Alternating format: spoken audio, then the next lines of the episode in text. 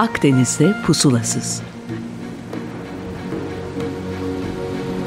İnsan, tarih ve deniz.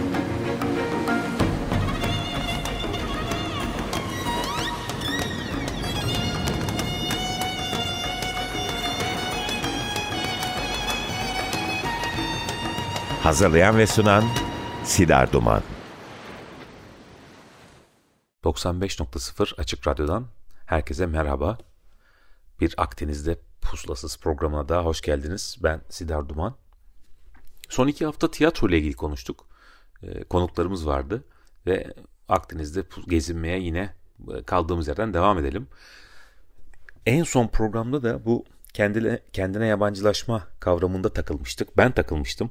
Çünkü Marksizmde çok şey geçen bu kavrama emek verdiğimi düşünsem de gelen birkaç soru karşısında e, cevapsız kaldım.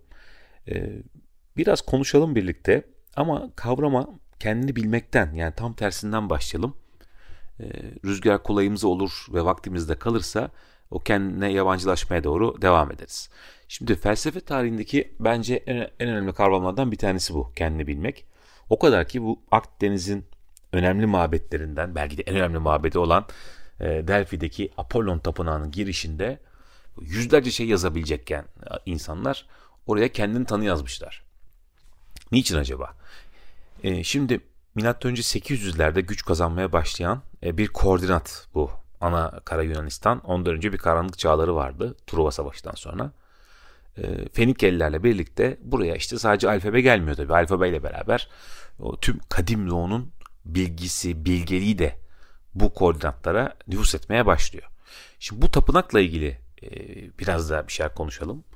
Zeus iki tane kartalı aksi yönlere doğru salı veriyor Olimpos'tan ve diyor ki bunların birbirine çarpıştıkları yer işte dünyanın merkezidir.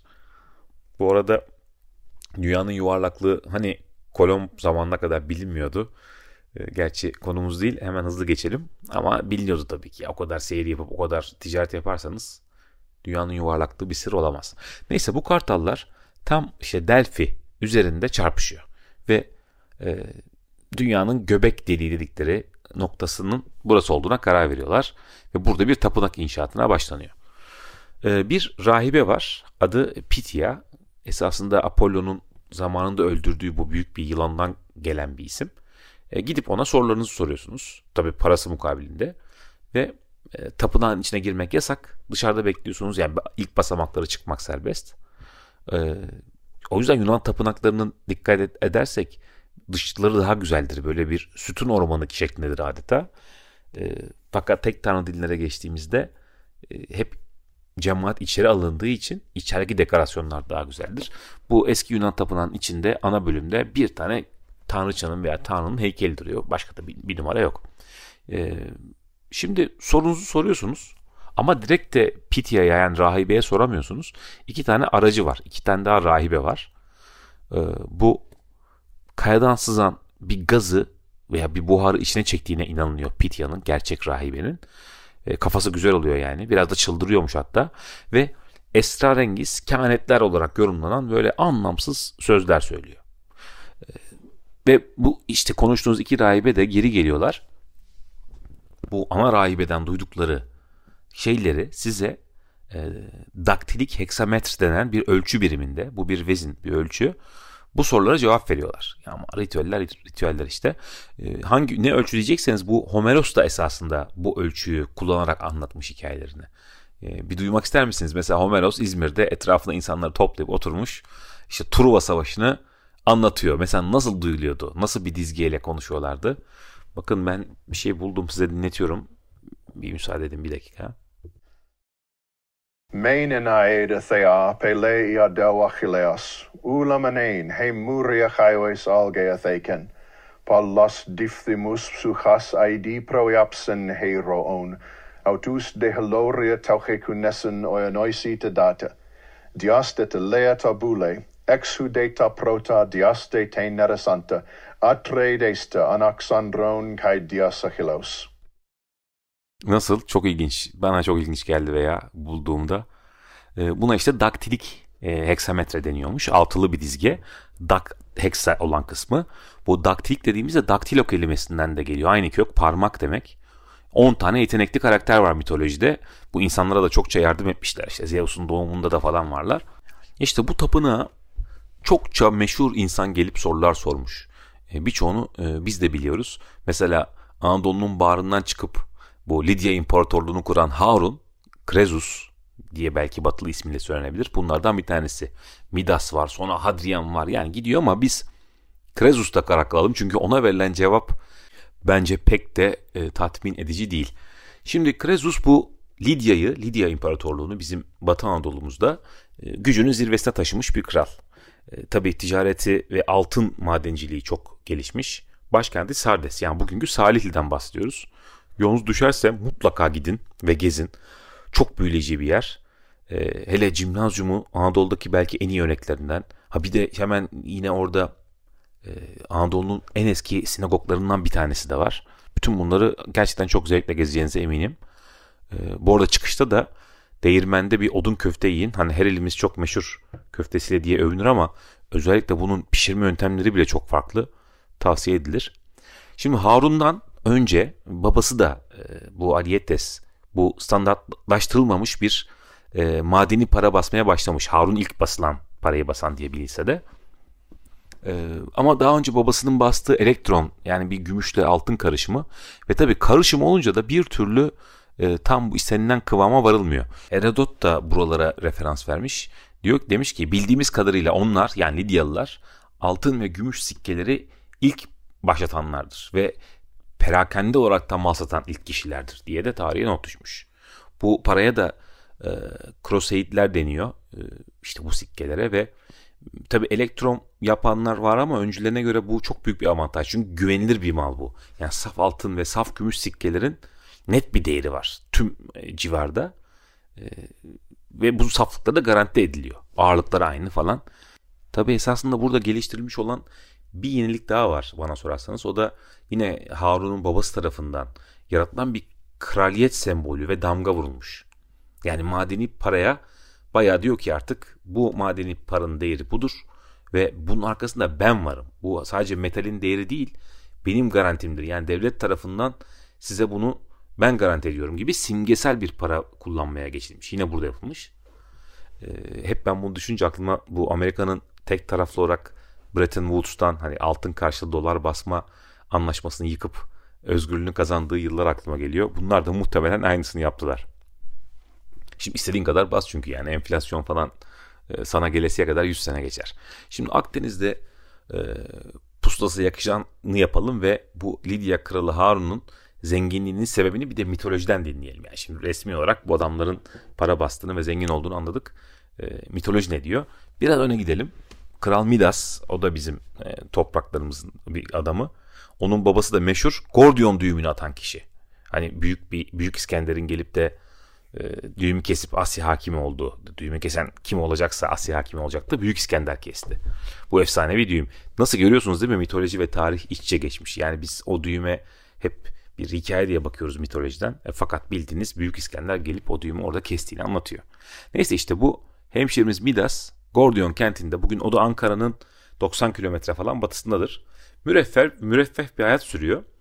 E, bir gün Dionysos'un bir arkadaşı yolda gezerken e, bundan yardım istiyor, o da ona yardım ediyor derken e, Dionysos diyor ki buna dile benden ne dilersen. Bu da tabii çok biraz para göz bir hemşerimiz. Diyor ki dokunduğum her şeyi altın et. E, altın et de bu sefer de ne oluyor? Yediği, içtiği, dokunduğu kızı bile altına dönüşünce Dionysos'a dönüp yalvarıyor. Ne olur diyor. Bu gazabından beni kurtar. Ben çok pişman et, pişmanım hatamı anladım. Tamam diyor. Sen diyor şimdi Sardes kentine gidiyorsun. Oradaki nehirde ellerini yıkıyorsun. E, ve bu lanetten kurtuluyorsun. Midas da bunu yapıyor. E, ve bu Sardes nehrinde bulunan e, Paktolus nehrinde e, bugünkü Sart çayı diye geçiyor burası bu arada. Ellerini yıkıyor. Ve bu elindeki altınlar da çaya karışıyor. İşte sonraları Lidya kralı olan Harun da belki de bu e, altınlar sayesinde zengin olmuş olabilir. Şimdi Midas'la ilgili bir şey daha söyleyeyim hazır geldik. E, çünkü ilginç bir adam. E, gerçekten bu Midas ne yapmış? Yani Tanrı'nın gazabından yeni kurtuldun. Dön evine yat. Öyle değil. Tam dönüş yolunda Bakıyor bir kalabalık toplanmış. Ne var, ne var falan diye sorarken Apollon ile Marsyas işte bir satir bu pan flüt yarışması yapıyorlar. Ee, kazanan da kaybedene istediğini yapacak. İddia da bu. Millet akıllı tabii. Apollon'dan yana hep e, karar veriyorlar. Adam Zeus'un oğlu yani en nihayetinde. Ama bizim Ankaralı doğru bildiğinden şaşmıyor ve yok diyor. Yani hakikaten çok bariz bir şekilde bu Satir Marsyas çok daha iyi çalıyor diyor. Tabii sonuçta Apollon kazanıyor yarışmayı ve oyların büyük çoğunluğunu almış. E, Marsyas'ın derisini falan yüzüyor. Onu bir çam ağacına asıyor. Onlar da bizim buralarda geçiyor bu arada. Ama e, bizim Ankaralı Midas'ın da kulaklarını eşek kulaklarına çeviriyor. Hiçbir şeyden anlamadığı gibi.